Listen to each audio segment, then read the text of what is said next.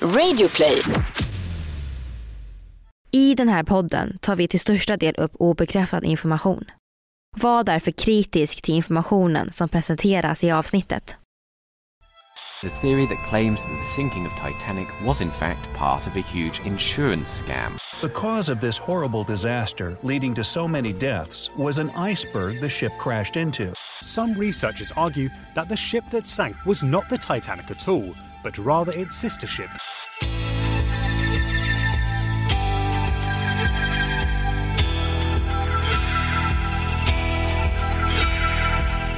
Ni lyssnar på Konspirationsteorier, en podcast med Vivi och Aida. Och det här är en annan sida av historien om Titanic, skeppet som aldrig sjönk.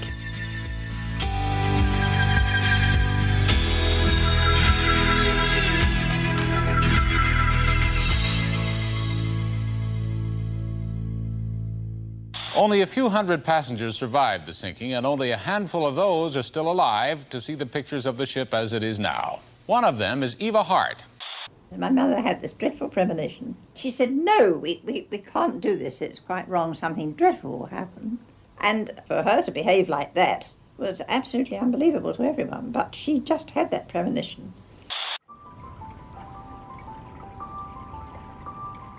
Det är vår år 1912, den 10 april. Och det är en ljuvlig onsdagsmorgon i Southampton. Sjuåriga Eva Hart tillsammans med mamma och pappa ska precis gå ombord på Titanic. Det omtalade passagerarfartyget som ska ut på sin jungfruresa. Men mamma Ester är inte glad. Hon har nämligen en dålig magkänsla när hon går ombord på passagerarfartyget.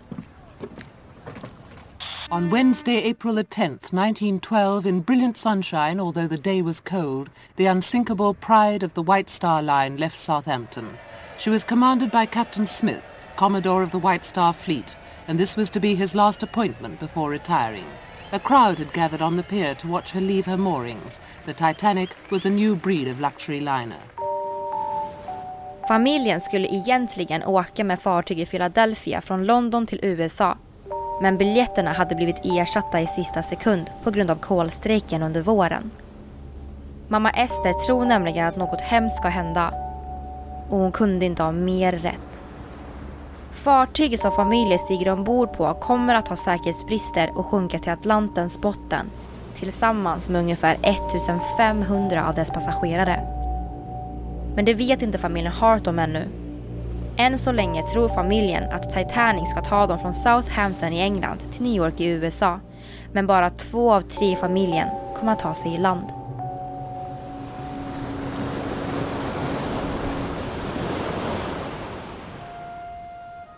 Efter ombordstigningen följer Eva med mamma och pappa ner i deras kabin.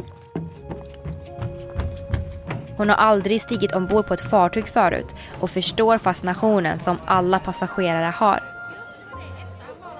Mamma Ester kan inte riktigt släppa den dåliga magkänslan och väljer bestämt att enbart sova på dagarna och vara vaken på nätterna. Den 14 april år 1912 är en fin dag. Solen lyser vackert över den blåa himlen och speglas i havet.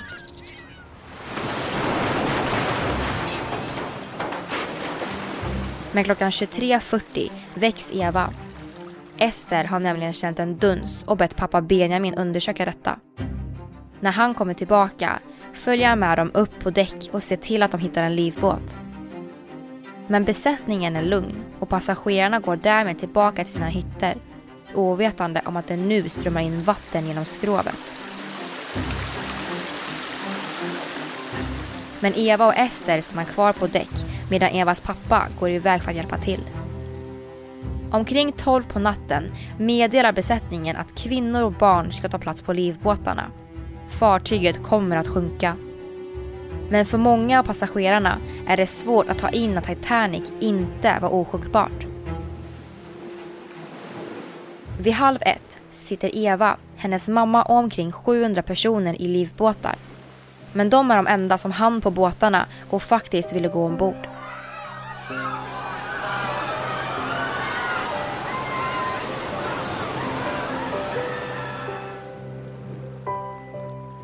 Vid 20 över 2 på natten har det dödligt kalla vattnet slukat många passagerare, inklusive Evas pappa. Men varför är det här då en konspirationsteori? Historien har många överlevande vittnen som alla säger samma sak. De såg fartyget sjunka framför sina ögon. Men vad är det då som gör att det sägs att det omtalade Titanic aldrig nådde havets botten? Och varför? Idag ska vi prata om Titanic, skeppet som kanske aldrig sjönk. Det här är en podcast för dig som är intresserad av en annan version av verkligheten. En version som tar upp alternativa teorier, mystiska sammanträffanden och diskussioner om vad som kan vara sant. The band now played a solemn air. Some say autumn, but popular belief says it was nearer, my God, to thee.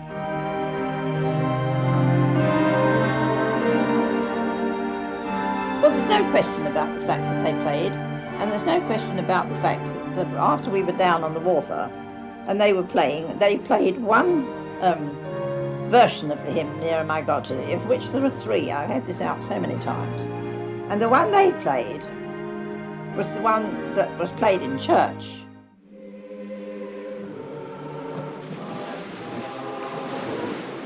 Omkring 700 personer, inklusive Eva Hart och hennes mamma, överlevde katastrofen som brukar benämnas som en av havets största marina katastrofer. Men Evas pappa, Benjamin Hart, tillsammans med omkring 1500 människor föll offer till det iskalla havet. Det finns förmodligen inget fartyg som är så omtalat som Titanic. Filmer, böcker, artiklar och en hel del forskning har gjorts efter 1912. Boken Titanic, The Ship That Never Sank publicerades av forskaren Robin Gardiner och blev som en slags start på konspirationsteorierna kring Titanic.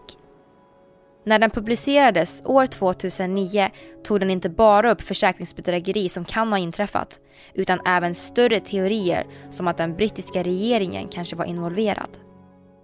Men mer om det senare. Efter katastrofen återvände Eva och hennes mamma till Storbritannien och fram till Evas död den 14 februari 1996 var Eva en av de överlevande som var mest frispråkig och syntes i flertalet intervjuer om Titanic. Nu är det över 100 år sedan den mytomspunna historien om passagerarfartyget Titanics jungfruresa.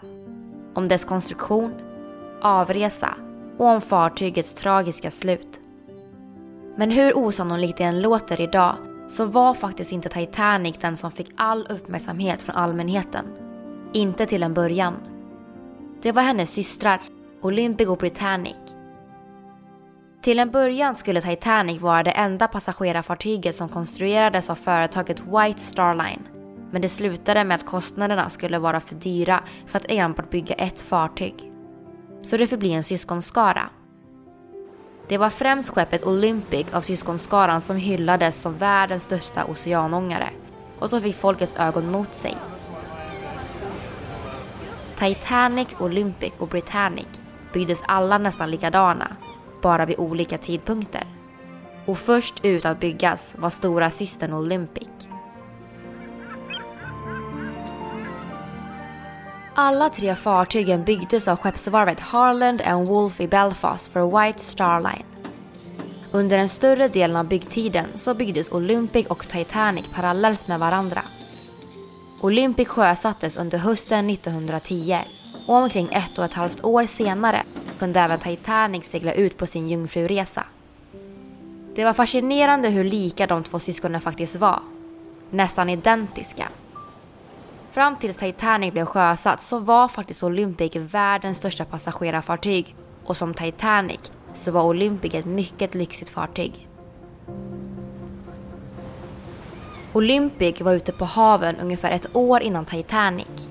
Men även efter det var hon ute på haven i många år och spelade olika roller som passagerarfartyg. Hon gjorde bland annat en lysande karriär och transporterade fler soldater än något annat trupptransportfartyg under första världskriget. Hennes resa slutade 1935, många år efter det vi kommer att berätta för er idag.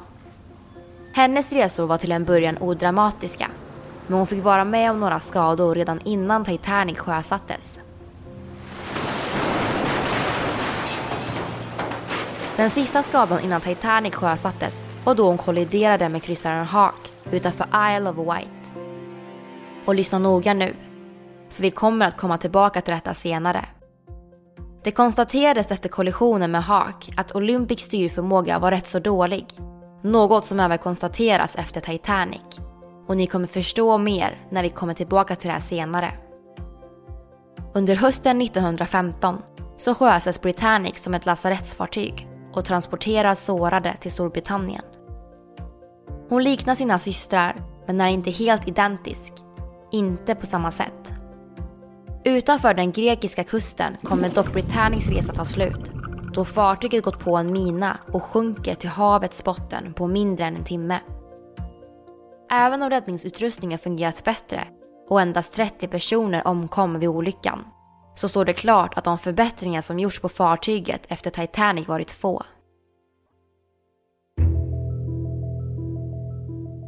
De tre fartygen visade sig inte vara så säkra som man trodde. Men å andra sidan så var det här osäkra år ur krigssynpunkt. Men tillbaka till Titanic. Under alla år så har människor talat om den fruktansvärda natten när Titanic togs av havet och dödade omkring 1500 personer. Den 14 april 1912 är ett välkänt datum. Sedan sjökatastrofen har många konspirationsteorier cirkulerat kring den och många gör faktiskt det fortfarande. Det finns personer ute i världen som är övertygade om att det faktiskt inte var Titanic som sjönk år 1912 utan det var Olympic. Allt på grund av ett större försäkringsbedrägeri. Kommer ni ihåg att vi sa att Olympic kolliderade med ett fartyg vid namn Hawk? Vi spolar tillbaka tiden till september 1911. Ungefär ett halvår innan Titanics jungfruresa. Det var här som Olympic kolliderade med Haak. Skadorna blev mer omfattande än vad man trodde. Två däck var översvämmade. Skrovet var trasigt och propelleraxeln skadades. Denna kollision orsakade många problem för White Star Line. Fartyget behövde nu tas ur drift och repareras. Det som blev problematiskt var att olyckan blev skuldbelagd på Olympic och inte på Haak. Tyvärr påstås det ha resulterat i att White Star Lines försäkringsbolag, Lloyds of London, vägrade betala ut någon ersättning till White Star Line som nu stod inför en eventuell finansiell katastrof. Kollisionen var Olympics fel och därför skulle de inte få någon ersättning. Hade det varit Hawks fel hade det här sett helt annorlunda ut. De behövde nu reparera Olympic och det var snabbt. Och för att ekonomiskt klara av det här fick reparationen bli med hjälp av propellrar från Titanic. Det här innebar inte bara enorma extrakostnader för företaget utan White Star Line behövde även skjuta fram Titanics jungfruresa en månad för att hinna med att reparera Olympic med Titanics hjälp. After the accident, Olympic made it to the port of Southampton for immediate but temporary repairs before limping to Belfast for a more permanent fix. Any accident at this time that involved a Royal Military ship was investigated by Her Majesty's Admiral Team. Although the details and eyewitness accounts showed that HMS Hawk was to blame, the Admiral's team declared that it was obviously Captain Edwards Smith's fault. This was a financial disaster, as the blame went to Olympic and insurance refused to pay for the repairs. These repairs were going to cost White Star Lines approximately $2.5 million or $60 million today. The bending of the keel caused the ship to list to port, a slight lean to the left. This is something that is very important to remember. In order to expedite the repairs, Harlan and Wolff delayed the Titanic so they could use the starboard propellers in the Olympic. She was back in service November 29, 1911. In February of 1912, same captain lost a propeller blade on the way to New York and once again limped back to Belfast. This was devastating as it showed that the Olympic may not be repairable. Avgången fick nu flyttas fram från den 20 mars till 10 april. Något som också satte företaget i en jobbig position. De hade många räkningar att betala och de behövde även leva med att de inte fick in några intäkter från Olympic eller Titanic som inte var i tjänst. För att rädda fartygen, White Star Line från konkurs och sig själva från förlöjligande kom de fram till en plan. De skulle byta plats på fartygen. Idén om att byta plats på fartygen sägs ha kommit från White Star Lines ordförande J. Bruce Ismay, Harland Wolfs ägare Lloyd Pierre, Titanics chefsdesigner Thomas Andrews och ägaren för White Star Line, JP Morgan. Alla fyra, inklusive deras familjer, ställde in resan på Titanic i sista minuten. Ett sammanträffande. Ja, det sägs att det berodde på sjukdom inom familjen. Men var alla fyra familjer sjuka samtidigt? Fem dagar före Titanics avgång säger det att fartygets försäkring ökade rejält. Om det här är sant innebar det att männen valde att öka försäkringen hos deras försäkringsbolag Lloyds Maritime Insurance eftersom att de kanske visste att Titanic skulle sjunka. Och då skulle de själva gå med en hel drös pengar i fickan. JP Morgan mottog alltså enorma summor pengar från Lloyds Maritime Insurance beräknat till ungefär 160 miljoner dollar idag. Vilket är mycket mer än vad de någonsin skulle ha fått om de sålt eller skrotat Titanic. Jo, visst skulle det här ha ringt allvarliga varningssignaler hos försäkringsbolagen vid den här tiden. Så den här teorin kanske faktiskt inte stämmer. Dessutom så kan man ju också fråga sig hur de hade råd att öka sin försäkring. De hade ju inte mycket pengar vid den här tiden överhuvudtaget. Men det kan också vara en intressant aspekt att ha i åtanke. För om vi leker med tanken och faktiskt överväger att Olympic tog Titanics plats kunde männen tjäna på att kräva ut försäkring när fartyget sjönk. Eftersom Olympic var rätt dåligt reparerad och kanske till och med fortfarande var trasig efter kollisionen med Haag så kunde de bara låtsas att hon var Titanic och sänka henne till havets botten. Att få dessa pengar hade definitivt hjälpt dem ur den ekonomiska knipan de befann sig i. Och Titanic, deras nya och fräscha fartyg, kunde då, förklädd som Olympic, fortsätta vara i tjänst. Det här betyder alltså att Titanic aldrig åkte ut på sin jungfruresa. Det var Olympic som gjorde det. Eftersom att man årtionden efter tragedin fortfarande hittar många, många extrema likheter mellan Titanic och Olympic har många konspirationsteoretiker hävdat att det faktiskt måste vara Olympic som sjönk. Enkelt. Planen var lätt. Ingen visste förutom fyra ansvariga män. Och det skulle egentligen inte kräva något arbete eftersom fartygen i fråga var så identiska. That first week in March 1912 was the last time that the Olympic and Titanic were together in Belfast, the twin ships side by side on the River Lagan. And that was when the decision to switch them could have been made. So, according to both the book and the documentary, Titanic and Olympic were identical, and therefore a switch would have been easy because all you have to do is take a few lifeboats, a few plates, a few bells, and just swap them over. In fact, you could have done it in, and I kid you not, in a weekend, according to the documentary. Switching the two ships would have been a remarkably simple undertaking.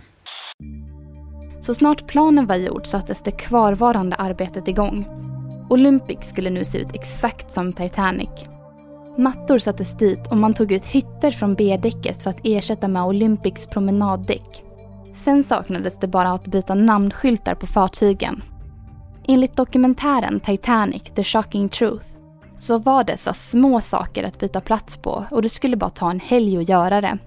Men boken Titanic, The Ship That Never Sank är mer skeptisk till den korta tiden och menar att fartygen skulle kunna bytt plats, men det hade varit en aning mer tidskrävande och kostsamt. Så, kan det vara så att Olympic och Titanic bytte plats? Och vad finns det i så fall för bevis för det här? Vi börjar med att titta på något så enkelt som vykort och fotografier. Det var faktiskt så att vykorten som såldes ombord på Titanic i själva verket var tryckta fotografier av systern Olympic. Något som de flesta nog inte märkte eftersom fartygen i det närmaste var identiska. Givetvis stod det inte att det var Olympic på bilderna. Det stod Titanic och därför märkte säkert ingen att det inte var Titanic som var på bilden. Det här var antagligen ingen miss från White Star Line att välja fotografier på Olympic. De hade förmodligen inte råd att fotografera nya vykort. Men konspirationsteoretiker tror något helt annat. Om det faktiskt var så att passagerarna inte åkte på Titanic utan de befann sig ombord på Olympic kunde det ju vara bra att de valde att visa bilder på fartyget som var lik det man befann sig på. annars hade säkert flera passagerare valt att stiga fram med frågor kring varför fartyget såg annorlunda ut. Bilder och vykort kanske inte är ett stort bevis på att teorin om ett byte mellan skeppen inträffade, men den bygger vidare på det andra. Vi vet ju att Olympic kolliderade med Hawk och var i rätt dåligt skick. Vi vet också att White Star Line hade stora ekonomiska problem som nästan satte dem i konkurs. Kanske var de så stora att det inte fanns pengar att reparera skeppet. Så om en så enkel grej som fotografier och vykort är ett bevis för det här, det får ni själva avgöra. Men enligt boken och dokumentären så var systerfartygen så pass identiska att en växling mellan fartygen faktiskt vore möjlig, bara kanske under lite mer tid än en helg. Och vid en första titt så är fartygen identiska eftersom de gjordes utifrån samma ritning. Men vid en mer noggrann titt så finns det en större skillnad, hyttventilerna på C-däcket. Olympic ska ha haft med 16 hyttventiler och Titanic 14. Men någon gång i december 1911, mellan Titanics lansering och jungfruresa, så lades två hyttventiler till. Det som är intressant är att vid den här tiden så hade faktiskt Olympic också bara 14 hyttventiler. Det var inte förrän i mars 1912, när Titanic var färdig att segla iväg på sin jungfruresa, som man lade till två extra hyttventiler på Olympic. So a lot of people say that it would have been very easy for them to do this and that all they would have to do is pay, you know, poor people that were working on these boats um, and pay them and tell them, you know, we gotta stay quiet about this, but we're switching the boats and make a few key changes to the boats and literally switch them. Apparently the bow of the Titanic had 14 portholes, which is um, little hole, you you know what I mean. They're like circular holes on boats. And, and, the Olympic had 16, and after they were switched, all of a sudden the Titanic had 16. So there's pictures of that. The windows were also very different. Apparently, the Olympic had really thin windows that were unevenly spaced, and the Titanic had bigger windows that were evenly spaced. Nu vet vi att Titanics jungfruresa flyttades fram en månad till april samma år. Så vi vet med säkerhet att Titanic hade 16 hyttventiler när hon satte segel från Southampton mot New York. Men precis innan så hade Olympic bara 14 stycken och det är först efteråt som man ser Olympic med 16 ventiler. Det här är ju ett perfekt sätt att övertyga att växlingen verkligen hände. Menar många konspirationsteoretiker som syftar på att båda fartygen hade lika många hyttventiler trots att det sägs att de inte hade det. Ett av de största så kallade bevisen för den här konspirationsteorin är en man vid namn Paddy Fenton som under det tidiga 1970-talet berättade för allmänheten att något inte stod rätt till. Paddy tros ha varit en arbetare på Titanic och stod bakom teorin om försäkringsbedrägeri. Främst menar han att lite, eller ingen ansträngning alls, gjordes för att försöka rädda det sjunkande skeppet. Något som faktiskt kan vara sant eftersom besättningen sa åt alla passagerare att gå tillbaka till sina hytter efter att de kände dunset. Normally ships sink if there's like a big storm or something, you know, weather issues. The night that the Titanic went down, it was extremely clear out. The ship sank into a completely calm sea and a lot of people argue that there was plenty of visibility to see the iceberg or correct the boat in order to stop it from hitting it, um, but apparently no one was paying attention. So did they purposely hit the iceberg?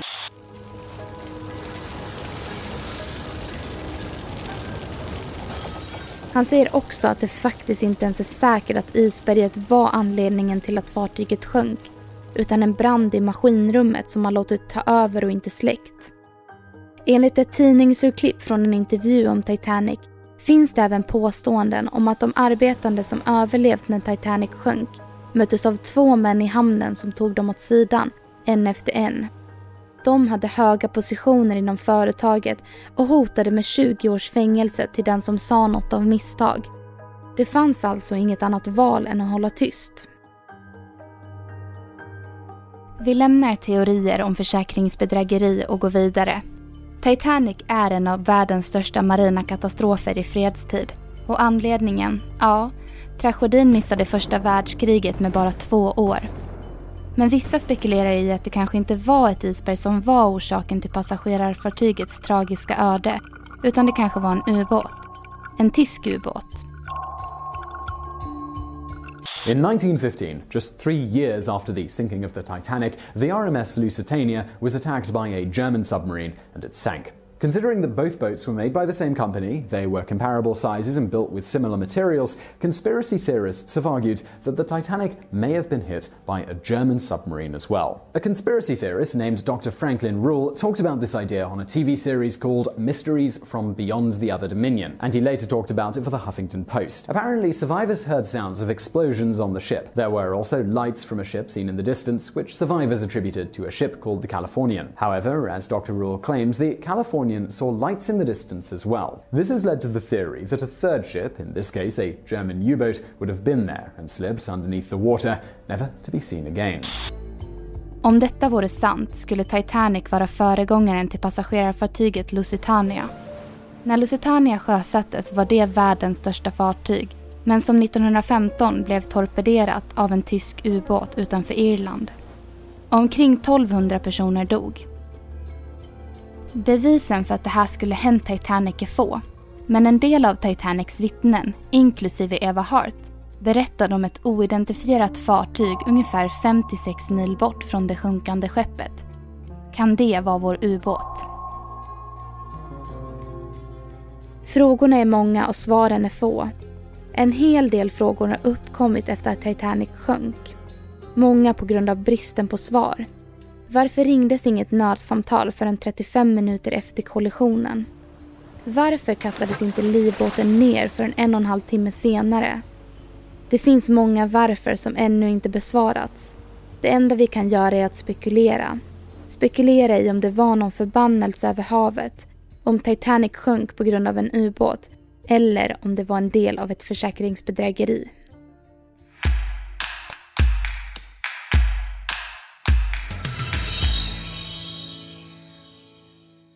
Ja, och så var det då om konspirationsteorin om Titanic. Och vi vill bara påminna er som lyssnar på podden om att oavsett om ni tror på konspirationsteorier eller inte, att ta podden med en nypa salt. För vi vill inte känna att vi lurar på er någonting som vi själva inte anser kommer från tillräckligt trovärdiga källor. Ja men precis för att alltså många av våra källor är ju wikis, det är Youtube-videos och det är forum och så lösa trådar som kanske vanligtvis inte är de källor som man annars använder. Och just i det här fallet med Titanic så är det ett exempel på att det vi har tagit upp idag troligtvis är falskt. Eh, för att det konspirationsteorier hävdar med dels försäkringspengar och dels det här med att de här fyra männen eh, inte, alltså sjukskrev sig då och inte gick ombord på Titanic. Det är förmodligen förmodligen bara rykten och eh, någonting som konspirationsteorier hävdar som är fel. Så att eh, bara så att ni vet att det finns mycket som motbevisar det här. Precis, och vi utgår ju alltid från de här källorna när vi diskuterar. Så att ni vet om det också och inte liksom tar det här på blodigt allvar. Precis, och nu när vi diskuterar vidare om Titanic så kommer vi liksom lämna det här, den här sanna faktan och eh, diskutera konspirationsteorier och det blir då troligtvis eh, falsk info. Precis. Och då har jag faktiskt någonting att berätta, eh, mm. vilket är roligt och det är sant. Det handlar helt enkelt om en otursfågel. Och det handlar om en kvinna som faktiskt har överlevt alla tre olyckor. Mm. Den här kvinnan hette då Violet och jobbade faktiskt på Olympic. Och hon var ju då tyvärr med när Olympic kolliderade med Hawk. Mm. Och några år efter det så eh, behövde White Star Line nya medarbetare till Titanic på VIP-avdelningen och erbjöd då Violet det här jobbet och hon tog inte jobbet direkt eftersom att hon var så himla osäker i och med det hon var med om innan. Mm. Men vänner och familj övertygade henne att faktiskt göra det. Och hon tog då jobbet och som ni vet så slutade ju även det i total katastrof. Men hon lyckades överleva och vid den tiden då överlevt sin andra båtkatastrof. Och sen i början av första världskriget så bestämde Violet sig för att arbeta som sjuksköterska på båten Britannic. Och ja, som ni vet därmed så sjönk ju även den båten. Så man kan ju lätt säga att Violet har haft tur i oturen. Hon har liksom haft turen att klara sig från olyckorna men hon har haft oturen att faktiskt få vara med om olyckorna. Ja men verkligen starkt av henne ändå att eh, eh så här, gå ombord båtar, om, ombord på båtar så här, efter att hon har varit med om sådana här traumatiska grejer. Ja verkligen. Um, och när det kommer till typ så här, de här båtarna då, speciellt mm. Titanic, så finns det verkligen, det finns jättemånga människor som försöker så här, typ lista ut vad som kunde vara orsaken till att båten sjönk. Mm. Och det finns många som påstår att Titanics kapten, som då hette Smith, fick många isvarningar på den rutt han planerade att ta med Titanic. Mm. Och om de varningarna kom fram till honom eller inte vet vi inte än idag. Men troligtvis så gjorde de det. Och han tog i alla fall vägen ändå och sänkte aldrig farten. Och på grund av det så krockade då de alltså in i ett stort isberg som faktiskt inte såg så stort ut på ytan men var jättestor under vattnet liksom. Mm. Sen finns det även konspirationsteoretiker som menar att kaptenen faktiskt skickade iväg livbåtar halvfulla.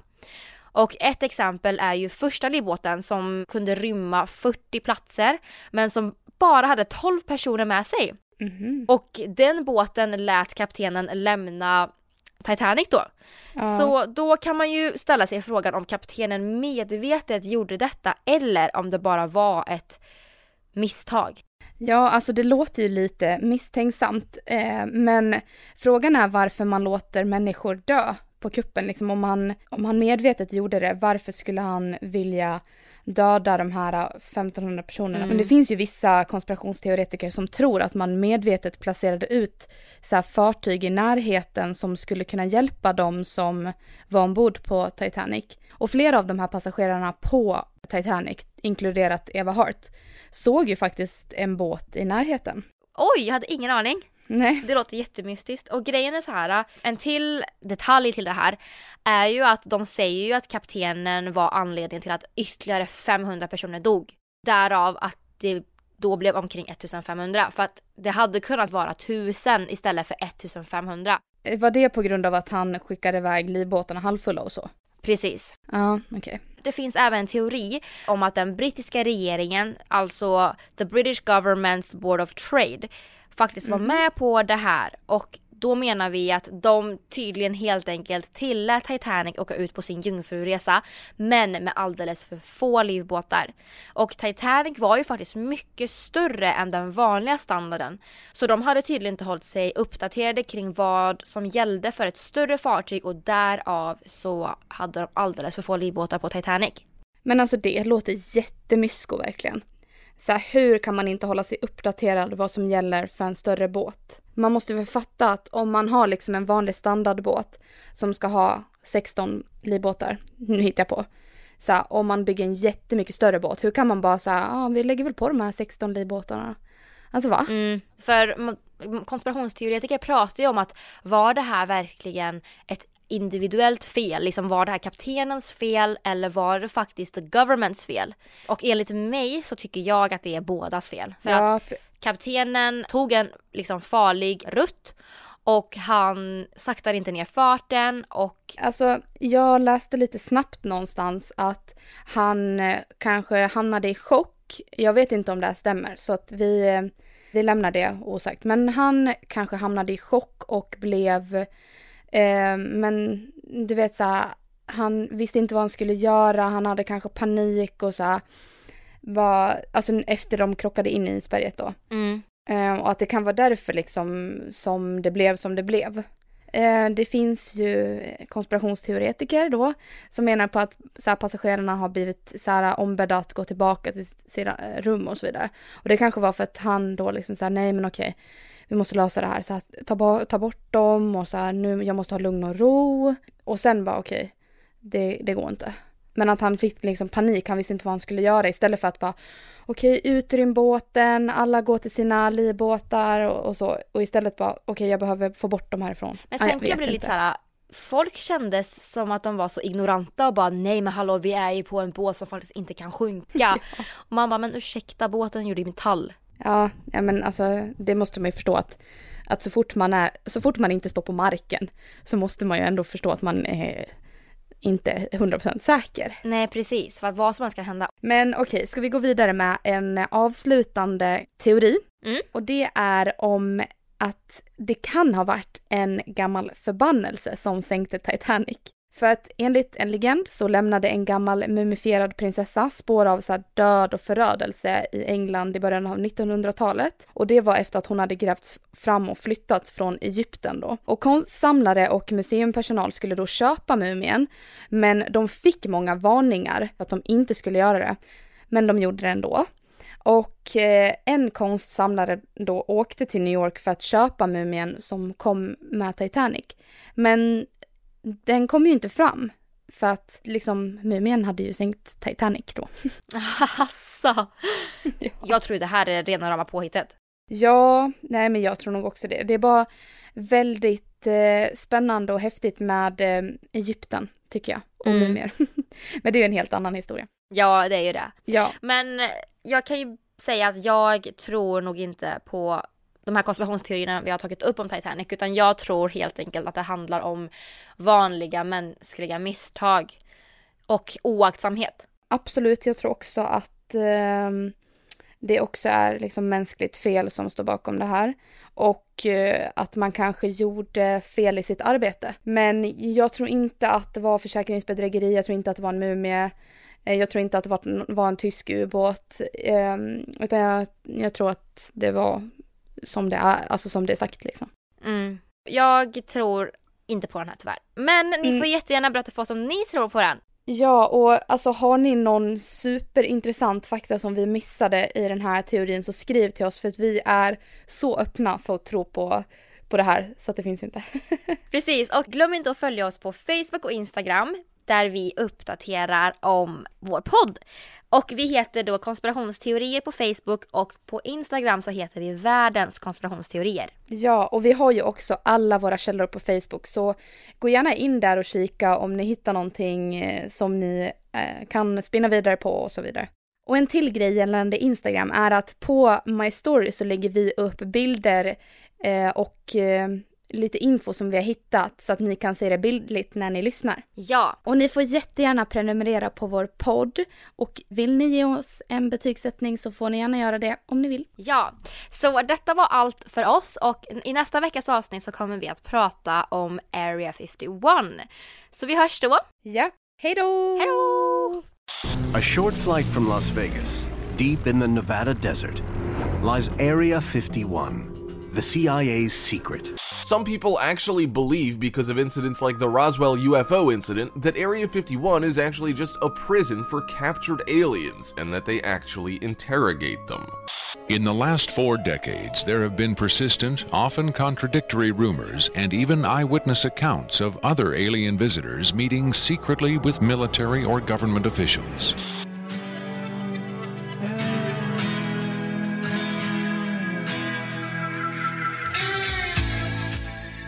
Ni har lyssnat på konspirationsteorin om Titanic, skeppet som aldrig sjönk, med Vivian Lee och Aida Engvall. Det här är konspirationsteorier.